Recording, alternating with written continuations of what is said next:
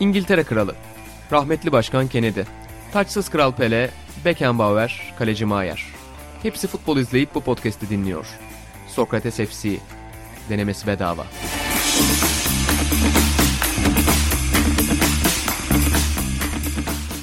Sokrates FC'den herkese merhabalar. Ben İnan Özdemir, Burak Balaban ve Atahan Altınordu ile birlikte Sokrates FC'nin yeni bölümünde karşınızdayız. Karşımda şu anda Giro d'Italia var. İtalya bisiklet turunda da yepyeni bir gün ama dünyada tabii ki İtalya bisiklet turundan çok daha önemli etkinlikler yaşandı. En azından Türkiye için çok daha önemli bir etkinlik vardı dün ki heyecanla izledim ben de. Şampiyon yarışı belli oldu Türkiye'de. O yüzden dergi reklamı falan yapmayacağım. Podcast reklamı da yapmayacağım. Herhangi başka bir reklam da yapmadan.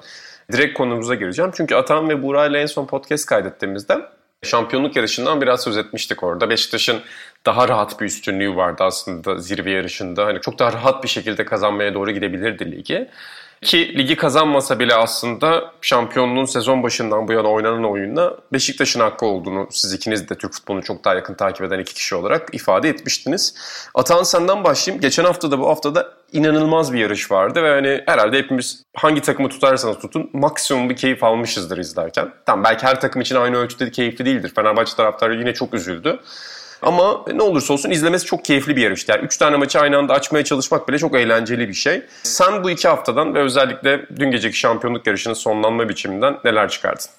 Abi keyif aldım aynı şekilde. Aslında yani seninle aynı cümlelerle ifade edebilirdim. Ekleyecek ne var bilmiyorum. Bitirelim yani, diyorsun. Ha, ya şey diyebilirim öyle sezon muhteşem futbol oynanan çok çok üst düzey bir sezon değildi. Ortalama bir sezondu. Ortalamanın üstüne çıkan takım Beşiktaş'tı.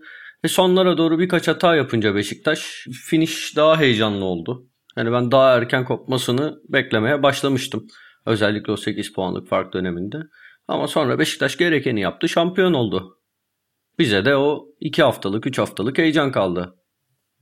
Peki Buran'da görüşlerini alacağım ama yani mesela şampiyonluk yarışı falan benim böyle yakın dönemden bu kadar 3 hafta üst üste aynı anda bütün maçlara baktığımız hatırladığım bir sezon yok. Var mıydı böyle bir benzer örnek? Siz hatırlayabiliyor musunuz bir şeyler?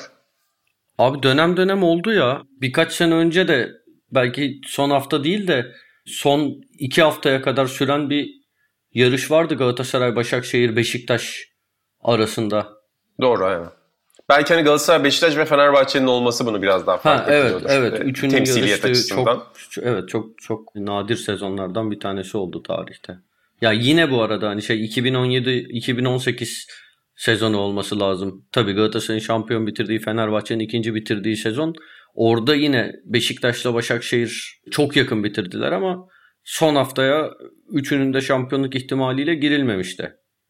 E, Buracığım sen nasıl değerlendiriyorsun? Hem hani maçları izlemek senin için nasıldı hem de sen bu kadar son dakikaya kalmasını bekliyor muydun?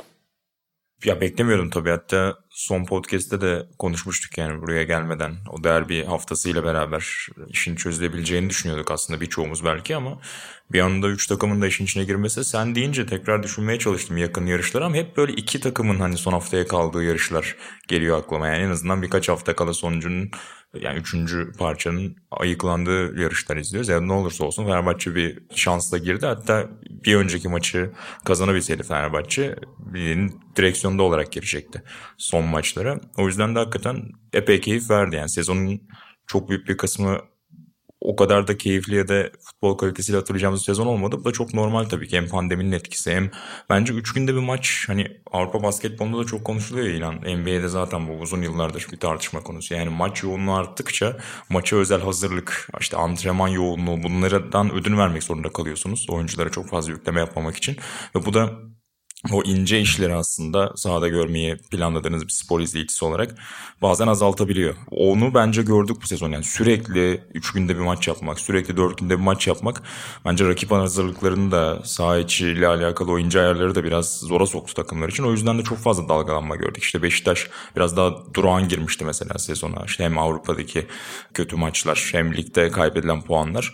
Sonrasında toparlandı. Sonlara doğru yine düştü. İşte Fenerbahçe'de Galatasaray'da birçok kez sezon bitti denilen anlar oldu. Her biri bir şekilde geri döndü. Son haftaları iyi geçirenler, kötü geçirenler. O biraz maç takviminin daha yoğun olmasıyla da alakalıydı bence bu sezon özelinde. Ya söylediğin şey çok doğru Buğra. Şimdi bakıyorum yani ikiniz de özetlediniz zaten. Hani sezon kesinlikle müthiş keyifli oldu mu olmadı. Klasik tartışmalar oldu. İşte bir noktada yabancı sınırını tartıştık. Bir noktada kulüplerde seçim tartışıldı bazı kulüplerde. Hakemler tartışıldı. Kim nereye maç verdi o tartışıldı. Hangi kulüp hangi kulüp ne diyelim yardımcı olacak bu yarışlarda o tartışıldı ama yani futbol kalitesi olarak çok öne çıkmadı ama gerçekten de hani bu eski bir klişeydi. Hani kimse bu sezon bizden ya da şu noktada bizden iyi futbol beklemesin diye. Ya 42 hafta yazısını görünce ben mesela TFF'nin sitesine giriyorsun 42 hafta, 42. hafta. Yani kim nasıl iyi futbol oynasın ki sorusunu da insan soruyor açıkçası. Ya yani bu insanın kaldırabileceği bir şey değil. Özellikle bizim takımların maalesef işte transfer politikalarının şuyunun buyunun hep konuştuğumuz şeylerle birlikte hiç kaldıramayacağı bir şey. Yani 42 hafta bu ülkede kaliteli futbolcu oynatabilecek, kaliteli futbol oynatabilecek bir takım yok. Yani kim bilir ne zaman oldu en son. Üstelik bir de sezon öncesinin mirasını da hatırlayalım. Yani geçen sezon da pandemiden dolayı yarım kalıp yazın ortasında bittiği için hani sezon öncesi hazırlığı da doğru düzgün yapamadı takımlar bir bakıma. İşte aylarca süren o yüklemeler yapılamadı gibi durumlar da vardı. Hani hem onun üzerine de yoğun takvimi koyunca tabii ki çok da şaşırmamak lazım herhalde. Burada bir şey geldi aklıma işte sen dedin ya maç hazırlığı. Sevgili Önder Özen bize Şampiyonlar Ligi dosyasında anlatmıştı. İşte bu antrenman bilimcilerin yıllarca Tudor Bompa'nın etkisinde, Bompa'nın etkisinde nasıl periyotlama yaptığını. Yani işte sezon başı bir yükleme yaparsın. İlk 6-7 haftaya kadar takım zirve noktasına ulaşır. Sonra devre arasına doğru giderken biraz düşürürsün. Devre arasıyla birlikte tekrardan ikinci form eğrisini yakalamaya çalışırsın. Şimdi NBA'de de aynısını görüyoruz. Yani bir önceki sezon öyle bir geç bitiyor. Bir sonraki sezon o kadar yakın başlıyor ki yani muhtemelen insanların futbolcu hazırlamaya dair bildiği her şey de bu süreçte çöpe atılmış oldu. Yani sen orada hangi kitaptan, hangi ya da kaynaktan okursan oku hiçbir şekilde böyle bir sezonu hazırlayamazsın takımına. O da muhtemelen çok ilginç bir sonuca çıkmıştı. Peki dün geceki maçlara biraz dönelim. Ata Genelde insanlar tabii ki Fenerbahçe'nin geçen haftaki yaşattığı hayal kırıklığı sonrasında Galatasaray, Malatya ve işte Beşiktaş Göztepe maçlarına odaklanmışlardı. Beşiktaş özelinde başlayalım istersen. Beşiktaş'ın son haftalarda bir kriz hali vardı. Sakatlıklar ve şampiyonluk yarışının getirdiği baskı. Göztepe maçı özelinde son haftalardan da alarak Beşiktaş'ın buna nasıl reaksiyon verdiğini düşünüyorsun? Ya abi şimdi aslında çok fazla değerlendirme yapabileceğimiz bir yani o genişlikte bir şey yok. 90 dakika oynandı. O 90 dakikayı da bölüm bölüm izledik. Bir yandan Galatasaray maçını bir yandan Beşiktaş maçını izledik. Sadece sonuç istedikleri gibi oldu. Yani Beşiktaş maçını şimdi böyle teknik olarak, taktiksel olarak analiz edebileceğimiz kadar izleyemedik. Bir de zaten böyle haftalarda sen az önce dedin ya şey klişesi kimse iyi futbol beklemesin. Yani tamamen sonuca yönelik bir tablo üzerinden konuşabiliriz. Sadece şunu söyleyebilirim. Bir önceki hafta Beşiktaş Karagümrük'e mağlup olduğunda Sergen Yalçın'ın açıklamaları, vücut dili, futbolcuların vücut dili gerçekten bir kriz anını işaret ediyordu. Acaba psikolojik olarak buradan toplanabilecekler mi soru işareti vardı. Ama sonucu aldılar. Öyle bunu söyleyebilirim. Burasan maç üzerinde ve hani son haftalardan Beşiktaş'ın getirdiği o gerginlik mirasına nasıl bakıyorsun? Yani baş etmesi tabii çok zor bir şey. Bu oyuncu grubunun da yani Sergen Yalçın'ın kariyerinde çok yaşadığı bir şey tabii ki ama antrenör olarak yaşamadığı bir şey. Göztepe maçında nasıl baş ettiler sence bunda? Ya zaten son işte iki maçtaki o puan kayıpları ya da biraz daha bir düşük seviyede diyelim hani sezon içerisinde gördüğümüz Beşiktaş'tan futbol izlememizin nedeni zaten dediğin gibi ama oluyoruz galiba hani bitiyor galiba sezon soru işareti. Yani bir noktaya kadar getirmek başka bir şey ama oradan şampiyonluğa yürütebilmek, o kapıyı kapatabilmek daha başka bir şey. Hakikaten oyuncular bunu çok anlatırlar, antrenörler bunu anlatırlar. Çok farklı bir baskı hissettiklerini. Geçmiş örnekleri de var bunun. İşte Başakşehir'in yıllarca bu konuda mesela ne kadar zorlandığını görmüştük. Tabii ki aynı örnek değil Beşiktaş koskoca bir camia elbette ama e, sezon başındaki yani kadroda işte geçen sezonun sonuyla alakalı hatta sevgili Murat paylaşmış bizim YouTube'un sihirbazlarından. Sergen Yalçın'ın açıklaması çok konuşulmuştu geçen sezonun sonunda. Yani sanki bir geçiş süreci işte o Samet Aybaba ile başlayan 2010'ların ortasında geçiş sürecine dair bir iki sezona girecek gibi görünüyordu Beşiktaş. İşte yüksek maliyetli oyuncuların kontratlarından çıkılacaktı, Burak tutulamayacaktı, Caner, Gökhan belki futbolla dair sebepleri de vardı onların takımda devam etmemelerinin ama Sergen Yalçın'ın vurguladığı konu finansal olarak çok zor bir döneme giriyoruz. Bizim hani öyle büyük paralar harcayacak bir durumumuz yok. Sabretmemiz lazım demişti. Yani böyle başlanan bir sezonun şu noktaya gelmesi zaten çok çok büyük bir başarıydı Beşiktaş'ın. Onu anlatmaya çalışmıştım önceki bölümde. Ama tabii ki oraya kadar getirseniz dahi orada bir şekilde sonuçta Fenerbahçe geliyor, Galatasaray geliyor. Orada ayakta kalmak zor. Hele ki bu kadar sakatlıkla ayakta kalmak zor. O yüzden de o stres, o baskıyı hissediyordu Beşiktaş. Tabii erken gol biraz orada soluk alma fırsatı yaratmıştı Beşiktaş'a. Sonrasında yiyince biraz daha hani atan dediği gibi iki tarafı da sürekli gezerek izlemeye çalıştı ama mutlaka bir stres vardı tabii ki. Ama işte onunla baş etmeniz gerekiyor bir şekilde. Orada da ayakta kalmayı başardılar. Orada tabii yani rakibin son hafta bir şampiyonluk yarışı içerisinde olmaması ya da düşme potasında olmaması bir şanstı mesela. Oradan da belki bir avantaj yaratmış oldu Galatasaray ve Beşiktaş. Evet Burak sen o baskıyı da özetlemiş oldun. Ve zaten Beşiktaş dosyasını merak edenler için bir önceki podcast'te konuşmuştuk. Ki ben hafta içerisinde de sevgili Atahan Altınordu'yu başka mecralarda dinledim. Bir akşam Öykü'den bir haber geldi. Dedi ki Ata Twitter'da konuşuyor şu anda. Twitter'da fenomen olmuş. Spaces Twitter'ın ses şeyi öyleydi galiba değil mi? Ses uygulaması. Vallahi Orada sevgili. Gürcan Ulusoy'la da tartışmalarını dinledim. Ata senden genel bir yorum alacağım. Orada da e, güzel bir şekilde Beşiktaş'ın sezonunu analiz ediyordunuz. Beşiktaş ve Galatasaray üzerinden analiz ediyordunuz. MVP'yi daha önce Raşit Geze olarak konuşmuştuk. İşte Sergen Yalçın'ın hakkını vermiştiniz ama genel olarak Beşiktaş için yöneticiler de dün söyledi. Çok zor bir sezondu. Yani insanların bildiğinden çok daha zor bir sezon dediler. Gerçekten Beşiktaş adına tarihi bir şampiyonluk mu? Genel bir yorum alayım senden sonra Galatasaray tarafına geçelim. Abi tarihi olup olmadığını bence önümüzdeki süreç belirleyecek. Şimdi tarihi şampiyonluklar bence daha çok ya tabii buna da bir kendi içinde istisna notu düşeceğim sonunda ama daha çok sonraki yıllara devreden şampiyonluklar bence daha değerli. Beşiktaş şu anki iskelet üzerinden belki işte o kiralık oyuncuları da kadrosuna katarak belki başka takviyelerle sonraki yılların da üzerine kurulacağı bir takım yaratıp buradan başarıyla devam edebilirse mesela önümüzdeki sene Şampiyonlar Ligi'nde belki iş yapabilecek veya bir, birkaç yıl buralarda olabilecek bir takım inşa edebilirse bu şampiyonluk daha değerli bir şampiyonluk olur mutlaka. Ama tabii şöyle tarihi şampiyonluklar da var. Kendi içinde bir sezonluk hikaye olup da çok başarılı sezon olarak geçmişte görülebilecek bir şampiyonluk da mutlaka tarihidir. O çerçeveden bakarsak tarihi bir şampiyonluk. Çünkü gerçekten kimse beklemiyordu. Sezon başında böyle anket yapsak böyle çok geniş bir anket olsa herhalde Beşiktaş'ın şampiyonluk ihtimali %10 falan çıkardı. İnsanların %10'u Beşiktaş'ı şampiyonlukta bir numaralı aday gösterirdi. Zayıf bir kadroydu sezon başında özellikle. Ekim'de geldi bu takımın en kritik oyuncuları. Gezal, Rossier, Josef de Souza, hatta Abu Bakar. Ve bunların hepsi de üzerinde soru işareti olan isimlerdi. Abu Bakar'ın sakatlığı, Gezal'ın son yıllardaki performansı fazla oynamamış olması, Josef'in futbolun çok parlak olmadığı bir coğrafyadan tekrar dönüşü. Rossi'yi o kadar da iyi tanımıyorduk çoğumuz. İşte diğer yandan savunmada büyük sıkıntılar vardı. Kaleci soru işaretiydi. Çok büyük bir sürpriz. Bence hemen hemen her futbolcu Mensa hariç diyebilirim. Potansiyelinin en yukarısında oynadı.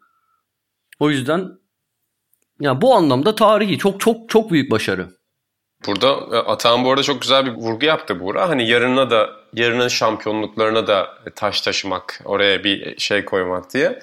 Ki Beşiktaş bunu Şenol Güneş döneminde biraz yapmıştı orada bir devamlılık vardı. E, Atahan Altınordu da biz bu podcast'i yaparken podcast'ten önce o yöneticilik kabiliyetlerini gösterdi bize. Yani biz bugün burada sadece futbolu izleyen ve futbol yorumlayan ya da işte spor izleyen, spor yorumlayan insanlarız ama Atahan aynı zamanda bir Sergen Yalçın, işte bir Ahmet Nur Çebi olmanın da nasıl bir şey olduğunu bize gösterdi. Hem lokantaların yeniden açılması ve açılmaması sürecinde. Ha, bir maestro gibi ben açıkçası çok etkilendim. Hani bir maestronun dokunuşlarını sağ olsun bizde telefonun diğer ucunda tutmaya devam etti. Sen de etkilenmişsindir diye tahmin ediyorum dinlerken onu. Hani yarınlar nasıl planlanır? Bu zor pandemi şartlarında bir kez daha gördük. Bir de tam olarak yarın planlanıyor. Aynen direkt yarın. Yani. Çünkü İçişleri bugün açıklandığı için yasakların önce devam edeceği maalesef bir günlük plan yapabiliyor ama usta işi birkaç telefonla yönetti gerçekten. Şey gibi oldu. Önder Özen'in Beşiktaş'ın e, kadrosunu planladığı yıllarda yabancı sınırının bir anda değişerek o planların suya düşmesi gibi bir süreç. Gerçekten öyle. Evet sen de bir yönetici olarak zorlanıyorsun tahmin ediyorum burada. Herkes zorlanıyor abi. Bütün Türkiye zorlanıyor. Hadi konumuza dönelim ya. Böyle mahcup ettin. Şaka da olsa. e, diğer taraftan Buğra sana da son Beşiktaş pasını atayım. Sonra Galatasaray ve Fenerbahçe'ye gidelim. Bu eksende sen bu tarihi olma ekseninde ne düşünüyorsun? Abi bence çok çok özel şampiyonluk. Yani işte Şenol Güneşli iki şampiyonluğu düşününce oradaki kadro çok daha parlak bir kadroydu. Öncesindeki yıllarda zaten adım adım üstüne konarak bir noktaya gelmişti. Burada az önce anlattığım gibi yani sıfırdan ve aslında daha yapılanmanın başındayken böyle bir süreci yönetmek çok büyük başarı oldu. Bence Sergen Yalçın için de çok çok özel oldu ve herkesin de dün işte Galatasaraylısının, Fenerbahçelisinin aslında şey demediğini görmüyordun. Yani hak et, etmedi Beşiktaş diyen herhalde pek görmedik. Herkes hakkını teslim ediyordu. Herkesin hani Sergen Yalçın için bir noktada mutlu olduğunu da görüyordun. O da özel bir şey yani. Böyle bir figür zaten çok çok özel bir figür Sergen. Tabii ki oyunculuk döneminden de saha dışı karakteriyle de çok önemli ama ne olursa olsun büyük takım yönetmek başka bir şey olabiliyor. İşler ters gittiğinde bir daha o şansı bulamayabiliyorsunuz. Krediniz bazen erken bitebiliyor. Şimdi Beşiktaş için yarınlar konuşulurken böyle bir şans var. Bir kere çok özel bir figür var. Çok sempatik bir figür var takımın başında. Ve şampiyonluk baskısını da daha ilk tam sezonunda 60 bir figür var. O şampiyonluğu cebine koymuş ne olursa olsun. Hani yapamıyor. Onunla da şampiyonlama izleri çok duyuyoruz ya. Anadolu'da başarılı olan hocalar büyük takımlara gelince. Onu kenara atmış bir hoca O yüzden öyle bir çok büyük şans var bence. Yani seneye şampiyon olamasa da Beşiktaş bir iki sene çok iyi gitmese de Sergen Yalçın'ın etrafında birlik olabilecek, onun etrafında buluşabilecek bir takım var. O önemli. Şimdi buradan gelirler işte Şampiyonlar Ligi, yayın gelirleri bir şeyler sonuçta gelecek Beşiktaş. Onlar çok önemli. Onları bekliyorlardı sene başında zaten. Onlarla beraber nasıl yapılacak onu görmemiz gerekiyor. Şimdi yani Rozier'den bahsettik, Gezal'dan bahsettik. İkisi de kiralıktı mesela takımın önemli oyuncularından iki tanesinden bahsediyoruz. E Forvet'te mutlaka bir takviye ihtiyaç olacak. Yani kadro dardı aslında. Hala üzerine koyulması lazım ama ilk şey tabii ki bu ana figürlerin takımda kalıp kalmayacağı, onları koruyabilecek mi Beşiktaş? Üzerine finansal durum ne kadar izin verecek? Ee, onları hep beraber göreceğiz. Beşiktaş'ın bence işte Negredo ile falan yaptığı bir iki hata vardı orada. Yani şampiyonlukların ardından çok gereksiz harcanan paralar vardı ki bunu her kulüp yapıyor aslında yani. O şampiyonluğun coşkusuyla transferde de eli açık davranan ve burada çok fazla hata yapan kulüpler gördük. Umarım Beşiktaş o dengeyi koruyarak üzerine ufak ufak taşlar eklemeye devam eder. Ben onu bekleyeceğim biraz. Yani yapılanmayı bir anda sıfırdan tekrar tamam biz şampiyon olduk devam edelim harcamaya deyip tekrar o bir senelik planı programı kenara atmadan ufak ufak üzerine koymaya devam ederse Sergen Yalçın gibi bir şans da varken önü açık olabilir tabii ki Beşiktaş'ın. Atan sen yayından önce şey demiştin. Şimdi başka bir belirsizlik olan kulübe geçelim hızlıca diyorum. Hani Galatasaray'ın şampiyonluğu kaybetmesinden ya da kazanmasından daha önemli haber bu en azından bugün özelinde işte başkanlık yani kongrenin tekrar ertelenmesi Covid nedeniyle ertelenmesi oldu demiştin.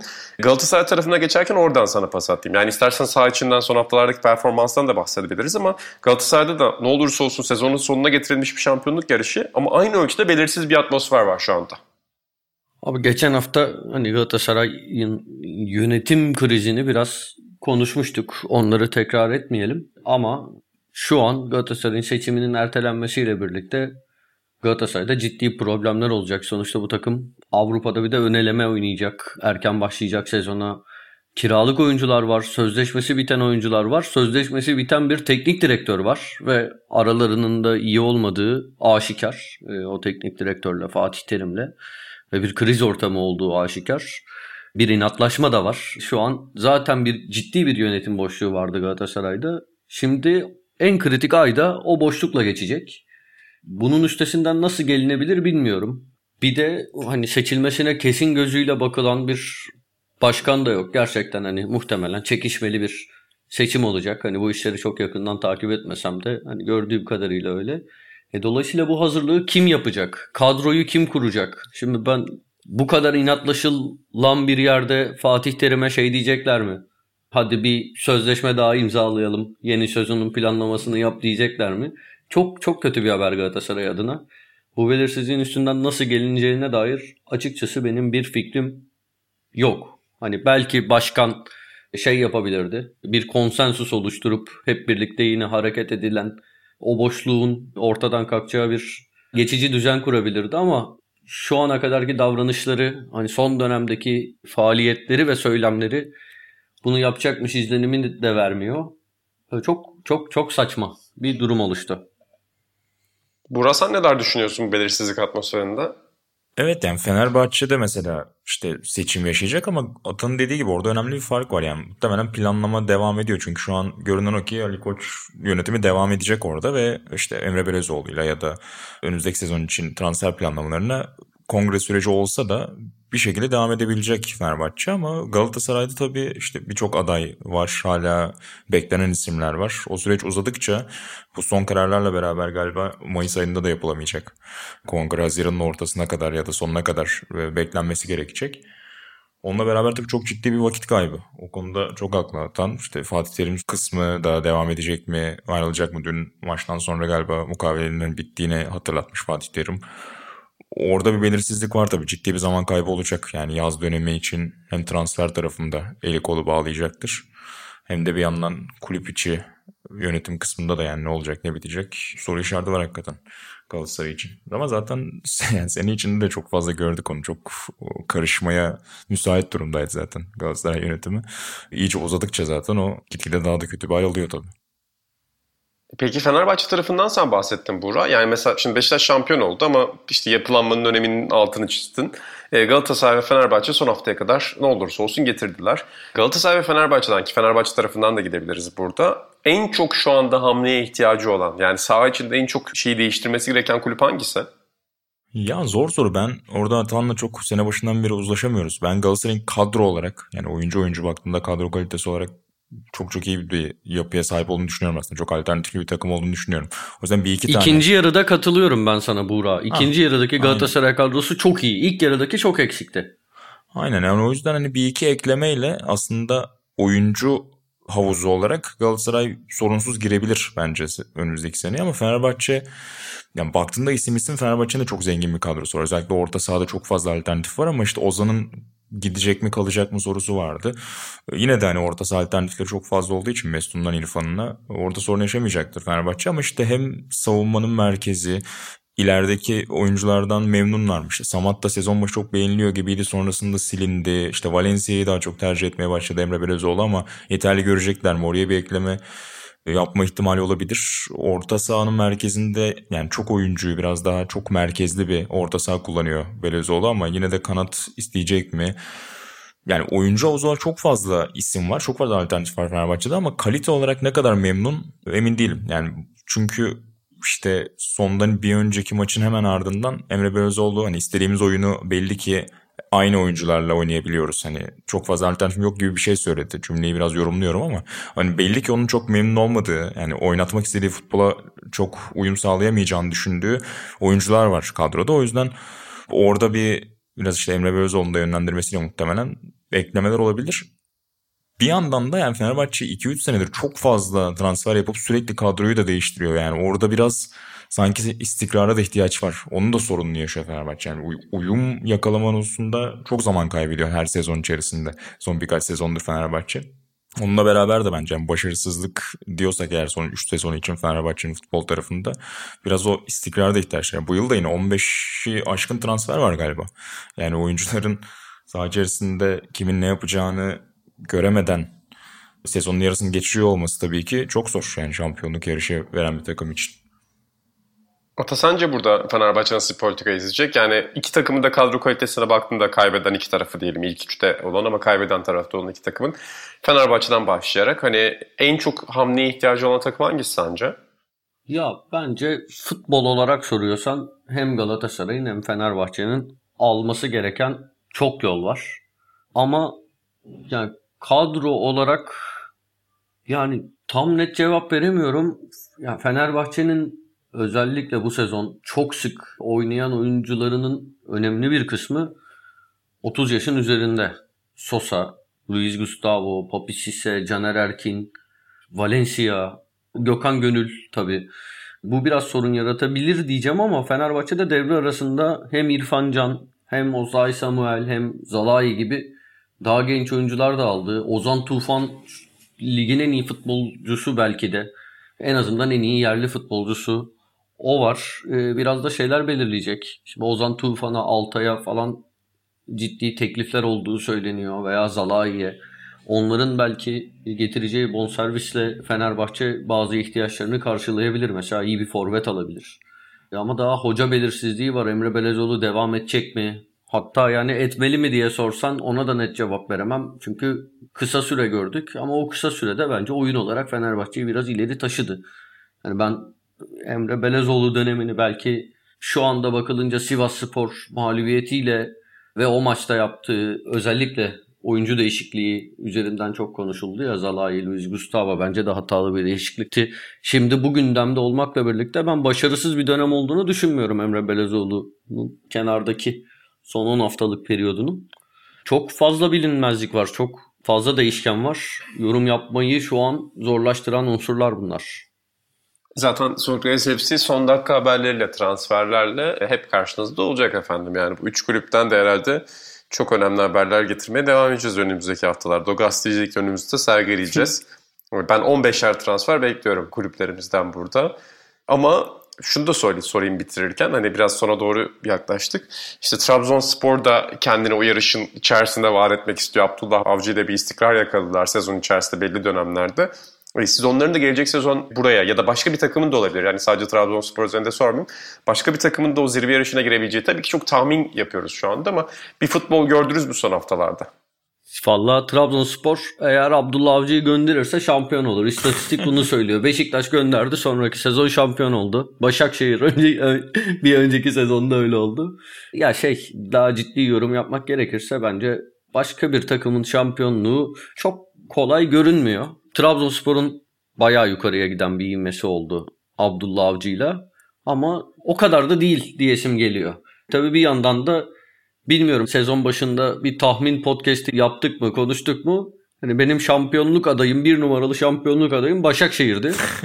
Neredeyse küme düşüyordu son birkaç haftadaki hatta böyle son dakika golleri geri dönüşler olmasa ciddi bir düşme adayıydı. Ya yani belli olmaz seneye Sivas'ın, Hatay'ın, Karagümrük'ün veya işte daha iddialı bir ekibin Trabzonspor'un yukarıya oynaması da hiç mucize olmaz artık. Bu ligde artık şey olmuyor. Yani formasını koysan oynar denilen durum artık bu ligde yok. Her şey olur tabii ki. Büyük konuşmamakta fayda var. Ben sezon başında hatırlıyorum ya. Ben Beşiktaş, Galatasaray ve Fenerbahçe'yi e, burada yani kendi tahminlerim ilk üç böyle olacak yönündeydi. O yüzden de haklı çıkmanın gururunu yaşıyorum ki tabii ki böyle bir şey yok yani sallıyorum. Hiçbir tahminim de olmadı bu sezonki lige dair. Buracığım sen ne düşünüyorsun genel atmosferde sence? Yani Atahan çok güzel bir şey söyledi. Artık formayı koyunca oynuyor abi. Atmosferi gitti de Türk futbolunda. En azından gelecek sezona doğru giderken üzerine güzel şeyler koyduğunu düşündüğün zirve yarışında bir takım var mı? Hani diğer tarafları şu anda konuşmuyoruz. Yani bir yandan doğru Atan dedi ama bir yandan yani evet eskisi gibi işte 3 mağlubiyetle sezon tamamlayan takımlar falan tabii ki olmuyor. Yani daha fazla puan kaybediyor takımlar ama bir yandan da sezon sonuna baktığımızda yine aslında zirvede çok benzer takımları görüyoruz. Tamam bir Başakşehir istisnası yaşadık ama orada da farklı bir sonuçta finansal durum vardı. Yani yıllardır üst üste gelen ve orada ciddi bir yatırım imkanı yaratan bir kulüp vardı. O yüzden de evet çok puan kaybediyor belki büyük takımlar bir şekilde sonunda da şampiyonluk yarışının içinde onlar kalıyor. Ha futbol olarak beğendiğin dersen ben yani Karagümrük'ün futbolundan çok etkilendim ama tabii ki işte seneye taraftarlar geri döndüğünde stadyuma ki hani umarım yani öyle olacağını tahmin ediyoruz diyelim. Aşılama süreci iyi geçerse yazın. O zaman tabii ki daha farklı dinamikler olabilir. Yani seyircisiz ne kadar yani seyircisi olduğunda diğer takımların etkisi daha da artabilir. E, ama futbol olarak ben çok beğendim. Yani Karagümrük'ün işte Beşiktaş maçındaki futbolu da mesela yani tüm o baskıya rağmen karşı taraf sizi hani şampiyonluk için gelmiş ısırmaya çalışan ve şampiyonluğu hak ettiği düşünülen sezonu en iyi oynayan takım var karşınızda ama onlara karşı böyle çok sakin kalıp sürekli o pas oyununu oynamaya çalışan bir yapı gördük Karagümrük'ten. Yani yapıyı korurlarsa eğer hani omurgayı koruyup e, hocayı koruyup üzerine eklemeler yapabilirlerse Karagümrük Umarım böyle bir takım olmaya devam eder. Çünkü birçok takım biz hani benzer yapıda görüyoruz ya sezonlar içerisinde. İşte daha çok işte kapanan, daha uzun topa yatkın görünen çok fazla kulüp görüyoruz. Karagümrük farklı bir tat, farklı bir renk olarak umarım hem futbol anlamında hem kulüp olarak kalıcı olur. Trabzon konusunda yani ikinci arayı çok iyi geçirdiler zaten. O yüzden şimdi transferlere de erken başladıkları yazıyor. Gerçi hani mesela Jervinho ismi geçiyor. İşte artık 33 yaşında tabii Jervinho da bir yandan ama onun süratinin etkili olabileceği bir lig yapımız var sonuçta. Orada da seyirci girecek mi girmeyecek mi? Çünkü bazen Trabzon için konuşuyoruz ya seyirci olumsuz da etki yaratabiliyor bazen. Stadyumda Trabzon büyük hedeflere giderken Avcı için çok kolay olmayabilir orayı yönetmek. Ama futbol olarak üst tarafta olabileceklerine dair umut verdiler tabii ki. Araya ben bir şey eklemek istiyorum Burak'ın sözlerinden hareketle. Ya daha mesela bu Kara Gümrük'ün takımı genç bir teknik direktöre Francesco Farioli'ye emanet etmesi ve onun ligimizin kalıplarının dışında işler yapması eğer diğer Anadolu kulüplerine, diğer kulüplerimize, tüm kulüplerimize hatta örnek olursa biz ligde taktiksel bir dönüşümü artık çok geç kaldığımız o dönüşümü yaşayabilirsek, ortaya çıkarabilirsek bu yıllardır süren aynı insanlar etrafındaki döngünün kırılmasını sağlayabilirsek lig hem daha zevkli olur hem daha farklı takımları yukarılarda görebiliriz. Yani yukarının gediklisi olacak yeni takımlar olabilir. Aslında bir fırsat olabilir Karagümrük'ün bu sezon yaptıkları. Diğer takımlar adına da bunu söylemek istedim.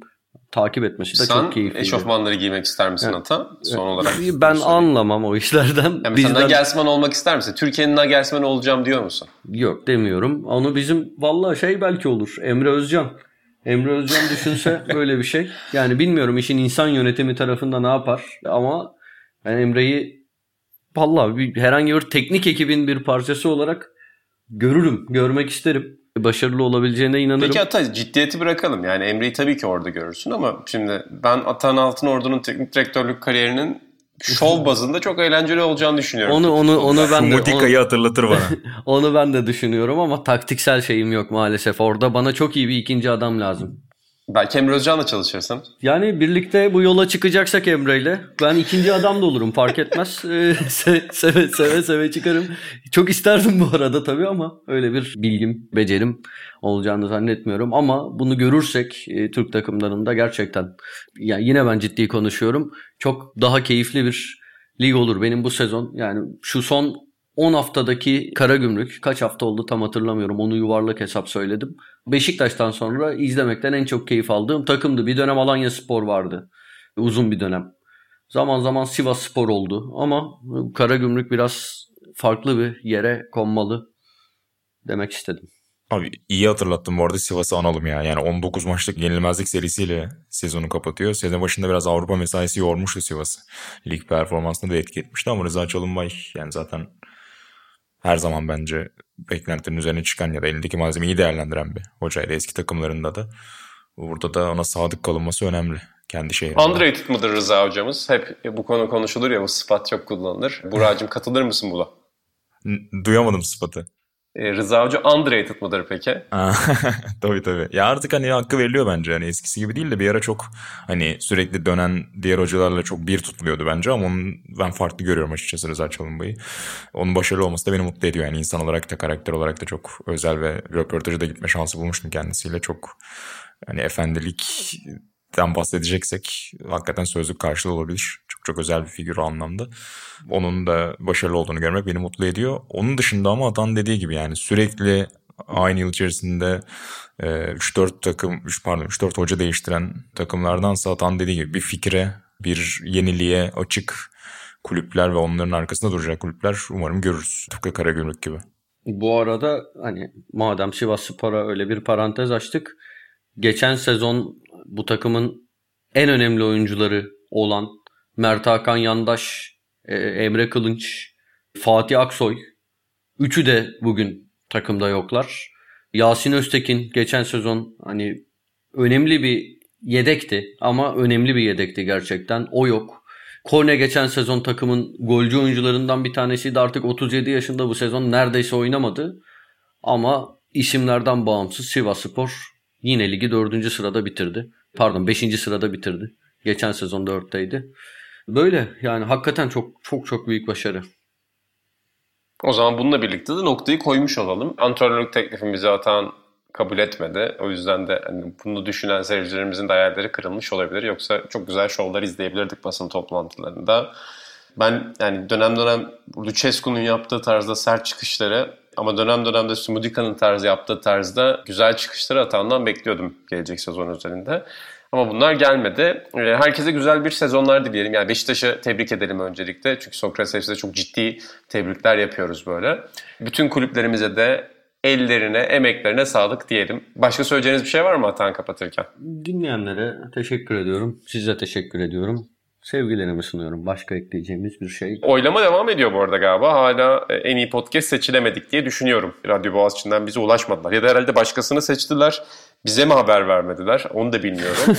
Ama bir yerde de adaylığımız devam ediyor. Yani şu anda belki bir dördüncü, beşinciyizdir şu anda. Belki zirve yarışında ilk üçte değilizdir ama Radyo Boğaziçi ödüllerinde de en iyi podcast mücadelemizde bize destek veren, omuz veren herkese teşekkürler. Oylarınızı da bekliyoruz orada. Valla bitime bir Deyip hafta kala kapatalım. maç sonu açıklaması yapan Sergen Yalçın gibi öyle çok olu- olumlu, çok umutlu konuşmadın ama yine Sergen Yalçın gibi umarım sonunda başarıya ulaşan sen olursun inanım.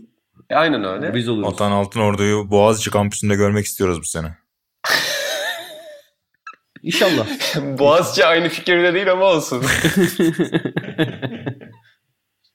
Burada kapatırken tekrar dediğim gibi herkese teşekkürler. İşin şakasındayız tabii ki. Ben İnan Özdemir, Atahan Altınordu ve Buğra Balaban'la birlikte, Atahan soyadını biraz kötü söyledim senin ama Atahan Altınordu ve Buğra Balaban'la birlikte Türk futbolunun nabzını tuttuk efendim. Gelecek programda biraz daha tekrar Avrupa sularına döneriz. Orada da zaten artık sezon bitmek üzere. Sonra Avrupa Şampiyonası temposuna gireceğiz.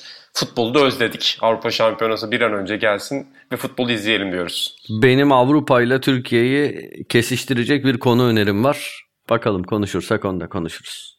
bomba bir öneri geliyor. Onun şu anda ipucunu vermeyelim. Gelecek podcast'i bekleyenler görecektir. Görüşmek üzere efendim. Hoşçakalın. Hoşçakalın. Hoşçakalın.